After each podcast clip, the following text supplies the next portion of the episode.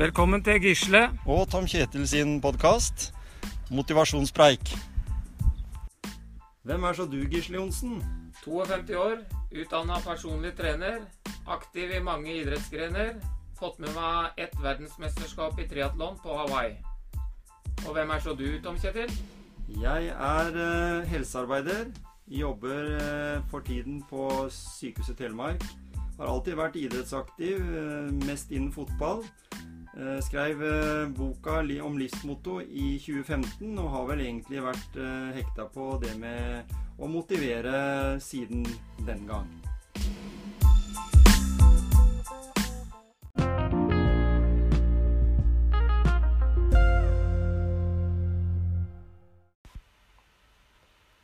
Ja, nå har vi tenkt å ta turen opp og prate litt med Anita Valen. Det har vi. Sykkeldronning. Ja. Eh, en av de som på en måte kanskje har utmerka seg mest innenfor eh, sykkelsporten for jenter, i tillegg til søstera hennes. De har i hvert fall medaljer i VM. Ja. Anita hun er det jeg vil kalle rå dame, da. Ja. Hun, hun har vært, med, hun har vært eh, mest kjent for sykkel, men hun har jo vært med på mye annet òg. Mhm. Jeg, jeg tror faktisk hun har eh, de siste åra toucha innom triatlon. ja. Men eh, det er som du sier, eh, mest sykkel eh, vi kjenner herfra. Mm. Så hun er jo Hun er jo bronsevinner i VM, da. ja. Og hun har deltatt i to OL. Mm. Så har hun noen, en del Nor norgesmesterskap. ja faktisk først- den som har vunnet mest. Ja, og hun vant jo i kvinnesiden. 85. Og så vant hun i 2002, og Og så hadde hun vel eh, noen år der som hun vant eh, flere. Men Mm. eh, hva som skjedde imellom der, det, Det blir spennende er jeg å litt usikker på. Mm. Kanskje vi kommer inn på det? Ja, vi, vi håper å få høre litt om det, da. Ja. Så, nei, Og så er det jo hva som motiverer henne her i hverdagen i dag, da. Eller i, hva som, og hva hun driver med i dag. Mhm. Det, er- det er vel eh, interessant. Nemlig. Mm. Og det blir vel vel et, et tema som, som vi kanskje kommer litt innpå her, da. Fordi sånn jeg i hvert fall har forstått det og fulgt uh, Anita på sosiale medier, så er hun jo veldig opptatt av naturen og komme seg ut og være, være en aktiv person. Mm. Det er jo også det bildet vi har av, av henne som, som Anita Valen, da. At det, er et høyt aktivitetsnivå. Ja, ja. Mm. ja det, er, det er som jeg sier, det er, det er en rå dame. Ja. Hun, hun, har, hun har trent mye med gutta, ja.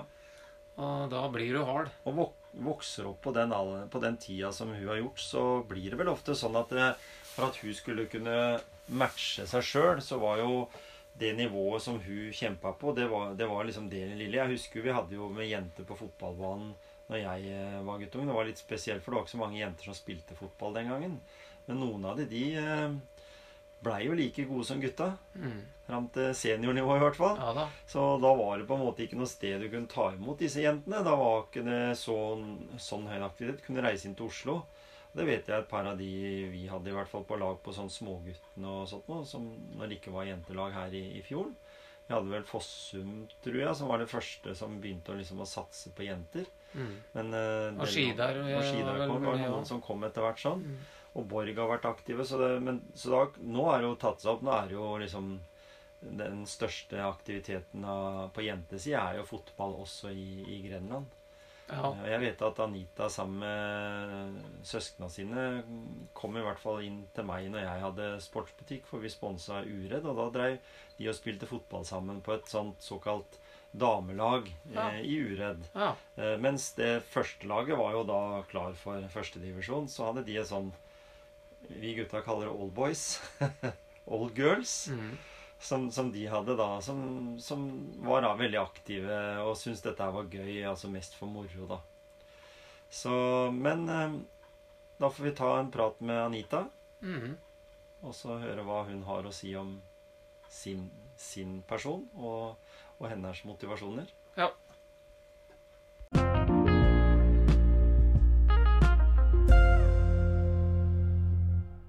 Har vi kommet hit, vi Gisle, opp på Vestre Gulset, nærmere Er det heter Hasselbakken? Hoppbakken. Hasselbakken, ja. Hasselbakken. Ja, så jeg trodde, nå trodde jeg Anita hadde med, med seg hoppski, at vi skulle ha en økt sammen. det, vi skal vel ikke det, Anita? Og så har vi Anita Valen her. Ja, koselig. Skikkelig en av verdens beste kvinnelige syklister gjennom tidene, kaller jeg det. Ja da, jeg har litt på merittlista. Og grunnen til at jeg ville treffe dere her, er eh, fordi vi er liksom på en måte midt ute i skogen og kan Ja. sitte litt eh, og nyte de eh, flotte turstiene og ikke minst fargene som, som høsten gir oss. En av, eller jeg vil si kanskje min favorittårstid. Ja. hvor, hvor naturen endres. Og jeg elsker å være ute i naturen på, på den årstida her. Eh, sist helg så sov jeg ute under Ja. åpen himmel og så Guds prakt i sin helhet. Ikke sant? Nei, altså, og er jo, Men allikevel da så er jo da mange pakker ned sykkelen. da, For det er fra sykling du er mest kjent. Ja. Selv om du har vært på TV i 71 grader nord, og du har liksom vist deg litt fram i, i media og sånt noe. Men du henger fortsatt med. Eh, ja, sånn fysisk sett, Ja. tenker du på? Ja.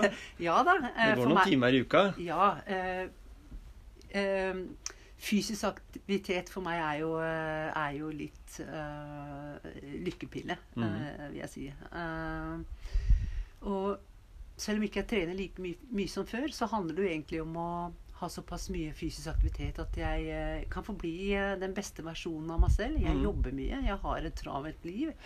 Og ved å kunne ha fysisk aktivitet, være seg gåturer, løpeturer eller løpe de trappene Ja. her, så blir jeg min beste versjon. Og da Ja. fungerer jeg best, både fysisk og psykisk. Mm. Så bra. Og så er, jo, så er jo du vokst opp i en uh, idrettsaktiv familie, da. Du har en søster også som hevda seg på, på hjul. Ja, Så dere var- har jo pusha hverandre litt, vil jeg tro. Ja da. vi har pusha hverandre mye. Og det var sånn når vi var ute og sykla, så var det Hun skulle ligge et halv, halvt hjul foran meg, og det, det irriterte meg. Mhm. Så skulle jeg et halvhjul foran henne igjen. Du vet farta, vet du, på de turene våre. Jeg vet ikke hva snitthastigheten var, men den var ganske høy. Ja. Men jeg forteller om en veldig, veldig, veldig, veldig morsom hendelse. da. Jeg tror ikke Monica da var mer enn tolv år. Ja, til elleve, tror jeg. Så skulle vi da ut på, på sykkeltur sammen. Og da skulle vi sykle til Siljan, opp Vindfjell og ned Lågendalen til Lærvik og, og tilbake. Og det er jo en sånn ca. ti mil. Mm. Så vi starta fra Skien. Så kommer vi opp til Vindfjell. Og jammen i utforkjøringa der så mister Monica setet sitt. Og vi finner jo ikke det setet igjen. Så da står hun på pedalene. Det var ikke snakk om å snu, men da står hun på pedalene ned hele Lågendalen til Larvik og tilbake igjen og hjem til Skien.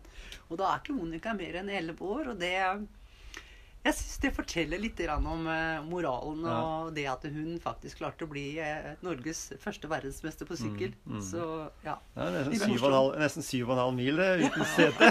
Det, det handla jo veldig mye om vilje for å bli verdensmester, da. Ja. ja. Altså, det er jo ikke for hvem som helst å ha den gutsen til å bli det. Nei. Eh, og jeg tror nok eh, en av grunnene til at vi er pass, blitt, så, blitt såpass gode, da, det er jo at vi fra bitte små hadde et veldig fysisk eh, aktivt liv. Mm. Eh, så når vi starta som, som tiåringer, elleveåringer, så hadde vi allerede en veldig godt trent kropp. da.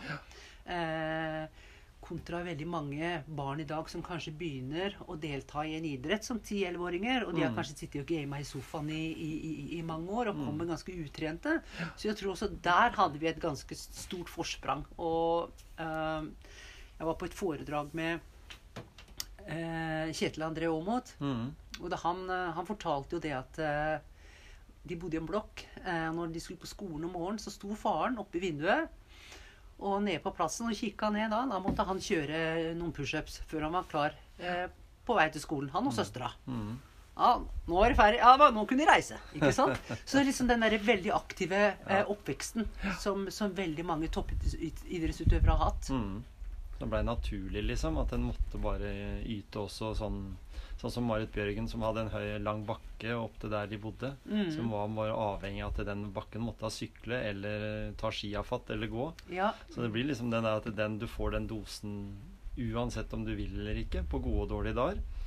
Du er jo litt uh, lærer slash uh, trener for uh, ulike grupperinger. Du, trener, du er lærer på toppidrett. Ja. Telemark toppidrettsgymnas for, eh, for videregående. Ja. Og så er jeg trener i Grenland sykkelklubb. Det er jo Mhm. min eh, moderklubb. Ja. Der alt starta. Ikke sant? Det er det? Mhm. Og det er en givende jobb. Ja. Uh, det er det. Så uh, når man går på videregående, så har man jo mer spesifikke treningsprogrammer og ja, altså ganske store treningsmengder. Mm. Mens ungdomsgruppa har jo er litt lenger ned på stigen, og det er en litt annen holdning der, Mm. selvfølgelig. Mm. Eh, og der er det også litt mer lekbetont, da. Ja. Eh, men når man begynner å bli eh, 15-16-17 år, så må man egentlig begynne å peile seg inn på eh, idretten man ønsker å drive, for å Mm. kunne nå toppen. Ja, men som tiåring så skal det være mye lek og moro, og det skal være hyggelig å treffe kompiser og, og venner, og det sosiale er Ja, veldig viktig, er viktig for å trivselen. opp, ja. Mm. Ja. Men, det, men det er jo sånn at eh, du må jo bruke en del av den der eh, motivasjonen som du sjøl har brukt da, eh, på disse ungdommene. da. Eh, gjør du det? Altså er det, Ja. er det sånn at du bruker en del av den steieren stayeren i, i deg og prøver å liksom få noen å kopiere litt dine egne, dine egne prestasjoner gjennom eh, de du lærer opp? Ja, jeg bruker jo eh, eh, Jeg bruker jo veldig mye av mine egne erfaringer. Mm. Og forteller de om mine egne erfaringer. Og så har jeg jo også Uh, topptrener igjen fra Norges idrettshøgskole. Og der har vi, Mm. um, hadde vi mye idrettspsykologi. Ja. Og i eh, den delen som omhandla idrettspsykologi, så Mm. har jeg jo faktisk lest om meg selv. Eh, og jeg har aldri gått noen skole for å lære om eh, som, altså som barn og ungdom hvordan jeg skulle tenke, hvordan jeg skulle forberede meg, eh, visualisere. Dette, dette falt seg bare naturlig for meg. Mm. Eh, så viser det seg det at det, det står jo faktisk i lærebøkene at dette er det riktige. Mm. Så jeg har gjort mye riktig, og det er kanskje også en av de grunnene til at jeg har lykkes, da. Ja. Ja, ja, det- var det jeg akkurat eh, ville spørre om òg. Det, det, det er vel ikke bare på det fysiske som har gjort at du har lykkes, det er jo også på det mentale. Ja. Eh, og eh, det mentale absolutt. Eh, veldig sterk. Eh, og bestemte meg ganske tidlig for at jeg hadde lyst til å bli en av verdens beste idrettsutøvere. Mm. Jeg visste jo ikke hva det innebar, innebar, men jeg visste at jeg hadde lyst til å bli god. Mm. Eh, og når jeg var eh, 13-14 år, så begynte jo mine venninner. ikke sant? Skal du være med på diskotek? Da var det i gymsalen på skolen med sånn ikke sant? Mm. Og da, da sa jeg nei, fordi at uh, jeg skulle ut og trene med seniorgutta Ja. neste dag. ikke sant? De hadde trening på lørdag og søndag, og da ville jeg være klar. Mm. Så de venninnene mine vet, de slutta jo å spørre meg. Nei, vi spør jo aldri deg lenger, for du sier bare nei likevel. For du kan ikke bli, du kan ikke bli best i verden på sykkel og få med deg alt. Nei. Nei. Du, må, du må gjøre valg. Ja, og det valget jeg tok, det var det ingen som pusha meg til å ta. Jeg, hadde en mor og en far eh, som lot meg få lov til å velge akkurat det Mm. jeg ville. Men Mm. det var mitt eget valg. Mm. Og da, og da blei det jo etter hvert eh, verdens beste kvinnelige syklist. da. Og, men åssen var sykkelmiljøet den gangen da, på, på, på damesida? Det var liksom sånn nybrottsarbeid, på en måte, som du fikk være med inn i. Det var, var ikke det? Jo, altså For å gå tilbake til, eh, til eh, det med barn da, og lek og det sosiale, hvor viktig Mm. det er. Eh, det var jo sånn det starta. Når jeg Mm. kom inn i klubben som bitte lita jente som 10-11-åring, Mm. så var det det sosiale som var så hyggelig, som Mm. gjorde igjen at jeg ville komme tilbake og tilbake. Og så ble man jo etter hvert og så fikk man jo resultater, og man dro på sykkelløp. Og mamma og pappa vi reiste jo eh, Norge rundt. ikke sant? Vi det, så det var en veldig morsom Mm. sosial greie. Mm. Og så kom jo resultatene, og så ble det jo en, enda mer morsomt. Fordi Mm. at eh, Å, vi er blitt så flinke. Og så fikk vi delta der, og så Mm. plutselig så, så eh, kom jeg jo inn på, på senioren i landslaget som, eh, som 15-åring. Mm. Og det året ble jeg dobbelt norsk mester og dobbelt nordisk mester for senior. Mm. Og da husker jeg at eh, da sto det eh, i, i Dagblad eh, og VG 'Gullfisken Hvalen' sto det. Og så var det noen andre som kalte meg et sympatisk råskinn. Mm. Det var liksom overskriften i både VG og Dagbladet, liksom. Eh, så det var liksom starten Mm. på, eh, på, på begyn begynnelsen på Ja. alt sammen. Ja, og så mm. kom vel de store mesterskapene etter hvert også på kvinnesida, men det var jo liksom allikevel eh, Når det blei OL og VM og sånt, noe som det var liksom de gjeldende også for, for gutta og jentene, var det ikke det? Jo. Eh, du vet, eh, jeg hadde jo allerede da som, som, som 17-åring så hadde jeg jo deltatt i, i NM, nordisk VM. Så kom jo da eh, OL-året 1988. Mhm. Eh, da skulle det være i Korea, Seoul. Og da var jeg i Frankrike og hadde oppkjøring eh, i damenes Tour de France, som da het Tour de Laude. Mhm. Eh, og da gikk jeg eh, stups fremover Mm. i en spurt. Det var en bakkespurt. Og idet jeg ga full kraft på pedalen, så hoppa kjedet av. Så da datt jeg fremover og knakk hele her. Så her, som dere ser, så her Mm. har jeg jo hatt skruer inn. Mm. Så den har jeg eh, 22 invalid i. Ja. Så det er en idrettsskade. Mm. Så da, jo, da, da ble det jo på en måte en pause da, mm. fra sykkelsporten i, i 14-15 år. ja. Ja, så det var det det var det jeg, jeg husker her, at du har to epoker. Mm. Så, Ja. Som andre ord, du har kjørt mesterskap i epoke 1 Mm. og epoke 2, du. Ja, og e- e- epoke 2 har vel kanskje vært den mest givende. For da har jeg liksom fått vært rundt i hele den store verden og kjørt med alle de beste. Mm. Eh, men eh, det som kanskje ikke så veldig mange vet, det er at i disse 15 åra jeg var borte, så hadde jeg regelmessig drømmer på natta hvor jeg sto på startstreken. Mm. Jeg var ikke ferdig. Nei. Nei, det, var en brå, det er en bråstopp, det også, å, å, å kutte ut i en så ung alder òg, Ja. med en sånn eh, skade. Så du har nå bite i da en del smerter, jeg tro, for å kunne opprettholde da den eh, si, den konkurransefeelingen og komme tilbake igjen etter så mange år. Ja, Da vil du si at du var over se, 34. 34 år da Ja. du var tilbake igjen. Men du vet, jeg elsker jo mennesker som har trua på seg selv, og som Ja, ja. tør å stå frem og si at vet du hva, jeg er verdifull, jeg. Mhm. Jeg betyr noe, jeg. Ja. Og så har man de som åh, Hvem er det han tror du er?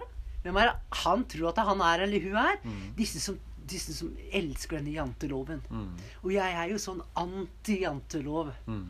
Så jeg sto fribodig frem og sier at eh, jeg skal gjøre et comeback. og folk lo, vet du. To unger har vært borte i 15 år. Hun blir ikke kretsmester engang! så var jo denne sponsorjakten Jeg tenkte at for meg så er det alt eller ingenting. ja. Så for meg da gikk jeg all in. Vi gikk jo på sponsorjakt. Jeg tenkte nå skal jeg permisjon fra jobben. Nå skal jeg satse 100 Og jeg gikk Jeg hadde avtale med forskjellige bedrifter rundt om i Grenland. Nei, nei ja, det er sikkert bra, det, men nei, vi takker nok nei. Lille julaften. Skien sentrum hadde jeg avtale. Med en veldig god mann, som dessverre ikke er her i dag. Jeg banka på. Kom igjen, sa han. Han satt den der bak et svært skrivebord. Og jeg hadde pynta meg litt. da. Jeg hadde jo hatt og en fjær i, og hadde skinnfrakk og hadde laga en flott presentasjonsmappe. Så setter jeg meg ned og sier 'Skal du ha en whisky?'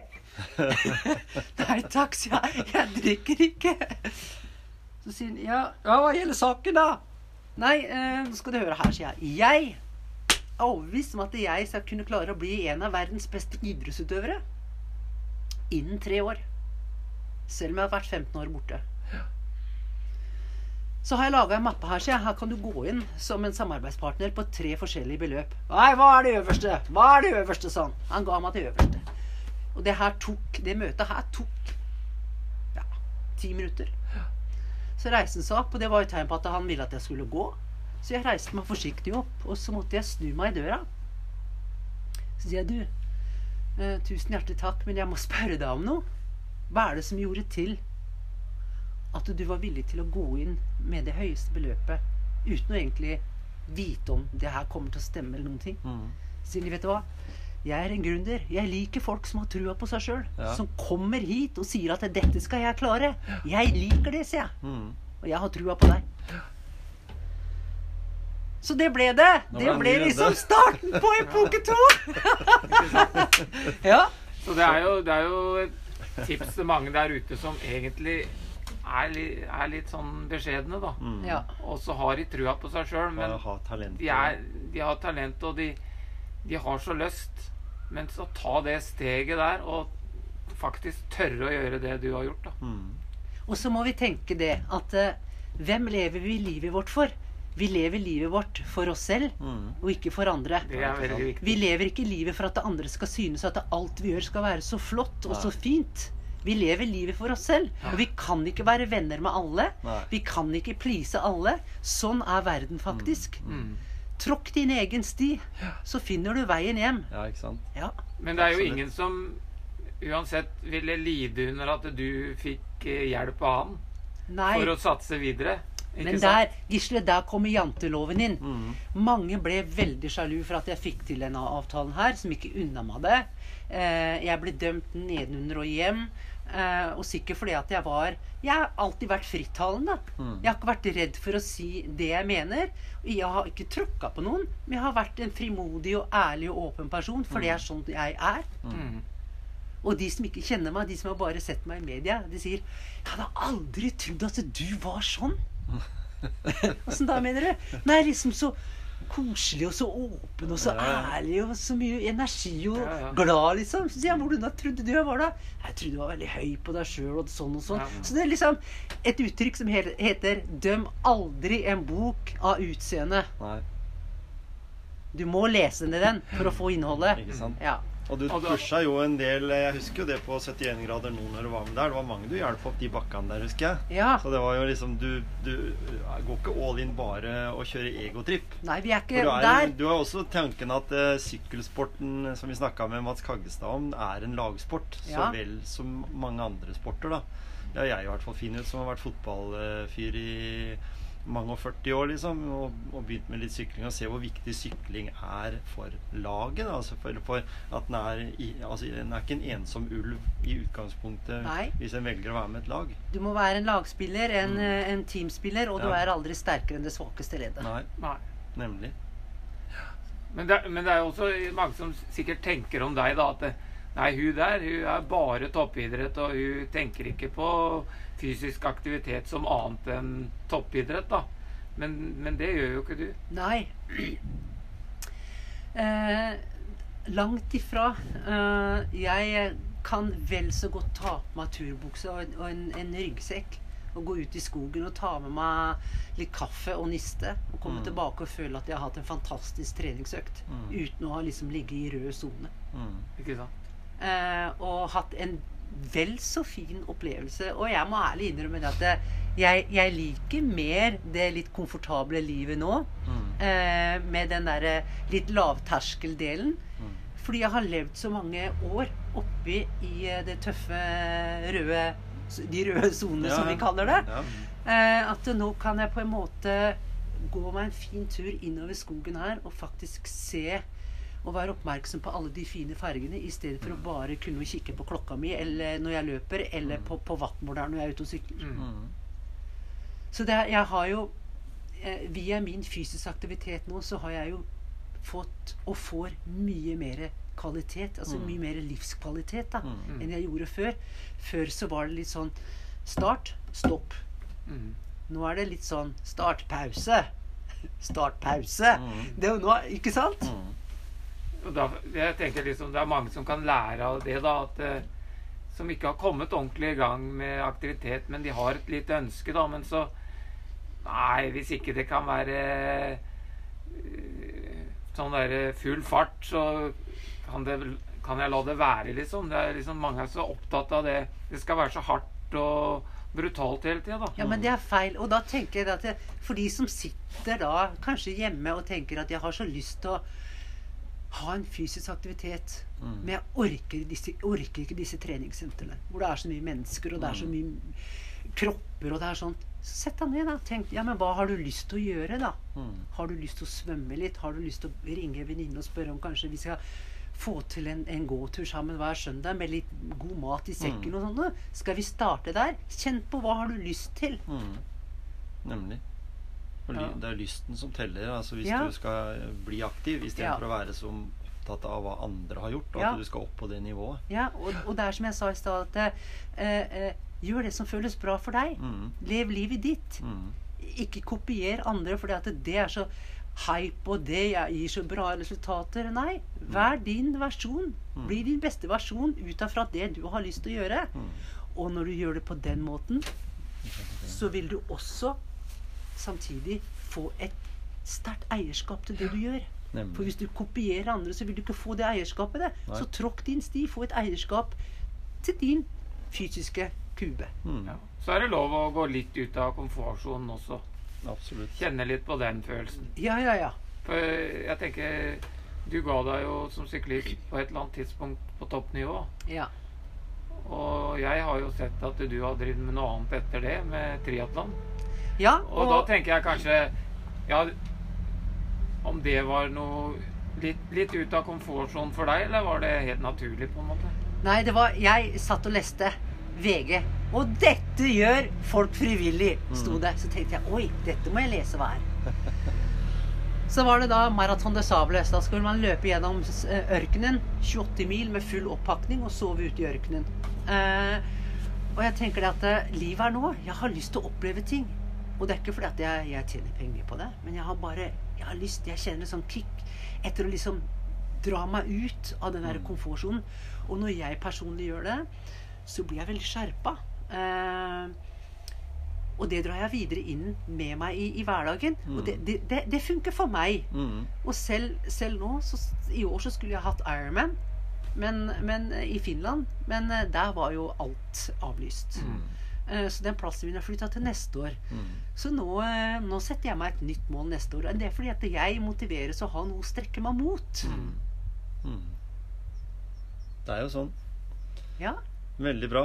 Eh, veldig hyggelig prat. Jeg tenkte sånn avslutningsvis så må jeg nødt til å spørre om eh, Anita, kan du komme med noen gode sånne hverdagslige treningstips til eh, våre lyttere? Hvordan du ville lagt opp en, eh, en, eh, en, tre, en formiddagstreningsøkt, da, for å ta det utgangspunktet. For det er jo mange som, som ikke får liksom kommet seg opp av den her eh, Ja. sofaen, da. Ja, og jeg tenker Mitt beste tips der vil være at uh, du ringer en god venn og avtaler Mm. Uh, dagen i forveien. Eh, gjør en avtale på at dere skal ta dere en tur i morgen. Enten det er uh, ut og gå en tur, eller om dere har lyst til å gå i trappene her, eller noe annet. Gjør avtale med en venn, for det er lettere å dra hverandre ut to stykker enn det er å eh, komme seg ut på egen hånd. Nemlig. Ja. Og det, er, og det er jo ikke noe sånn must at eh, Altså, vi har jo alle våre områder. Altså, jeg som bor på Hjemsø, vi har fritidsparken. Her, de som bor på Gulset, har jo Gulsetmarka. ja. Eh, Gisle har jo Heistad-området og, og de. Så vi, vi har alle sånne områder som vi kan benytte. Vi behøver ikke å eh, pakke sammen og dra til Kjøben Nei, for å ab absolutt ikke. Og hvis man har lyst til å få enda litt mer treningseffekt, og det, har, det, det må jeg gi et godt tips til alle, enten du er på et helt nybegynnerstadie eller et høyt nivå Jeg investerte i et par gåstaver. Ja. Og når jeg går innover eh, disse stiene her sånne, så bruker jeg de stavene til på en måte å dra meg litt oppover. Og da kjenner jeg det at åh, jeg kjenner ny rygg og bryst og ermer og kommer igjen. Jeg føler meg som et helt nytt menneske. Ikke bare jeg har brukt beina i disse bakkene, Nei, nei. men jeg kjenner at jeg har brukt overkroppen også. ja. Trenger ikke noe treningsstudio. Og så har du fått frisk luft, du har fått vakker natur, og du har fått et eh, tid til å reflektere og god Nemlig. prat. Da. Det er det så det er. det, det er Så godstaver er anbefalt. Det er Ja. ikke bare for uh, gamle folk som uh, skal ha trene balanse. Fordi jeg vet, jeg, jeg har solgt en del gåstaver opp gjennom åra. Jeg jeg husker så godt én, og jeg kan godt hende jeg har nevnt det i en, annen, i en tidligere episode. Eh, ekteparet som dreiv eh, den her bensinstasjonen på Gråtamoen. Ja. De eh, begynte å bli eldre, og så husker jeg de kom inn til meg, for da, da solgte jeg staver. Og så sier de at ja, kona ville ha noen staver fordi hun var så ustødig. Ja. Kom så sjeldent ut. Ja. Og gikk 14 dager, så kom også mannen inn og skulle ha et par staver, fordi nå hadde han lånt eh, stavene til kona. Og han hadde ikke vært oppe på Visteinkjenna på 15 år, men med staver så greide han å komme seg opp dit. Ja. Da tenker jeg da er det en sånn dobbeltvinning da, når du sier at staver er bra fordi du kan trene overkroppen. Ja. Og kanskje i tillegg så kan det utfordre ruter da, som du ikke ville ha gått fordi du er litt ustø når du har blitt litt eldre eller, Ja, ja. eller har litt dårligere balanse. da. Det kan brukes i, på alle nivåer, og siden, Mm. vi snakker om, uh, eh, siden vi snakker om utstyr, da, så er det også eh, en anbefaling som de har, kanskje har mulighet til å gjøre det, eller kjenner noen som de kan låne av, en elsykkel. Mhm. Nå kommer jo høsten her. Men eh, det er også en, en veldig god investering Mm. i en elsykkel for Mm. mennesker som kanskje ikke orker å sykle på Mm. vanlig sykkel. Fordi Mm. det er eh, Vi lever i her, i hvert fall her, eh, så er det ganske kupert terreng. Ja.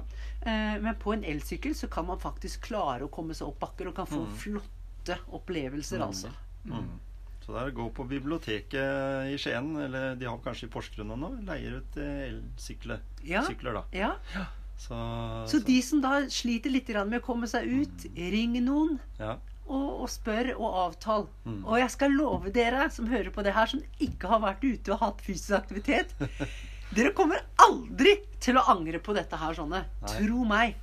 Veldig bra sagt her på slutten. Tommel opp for alle sammen. Tommel opp.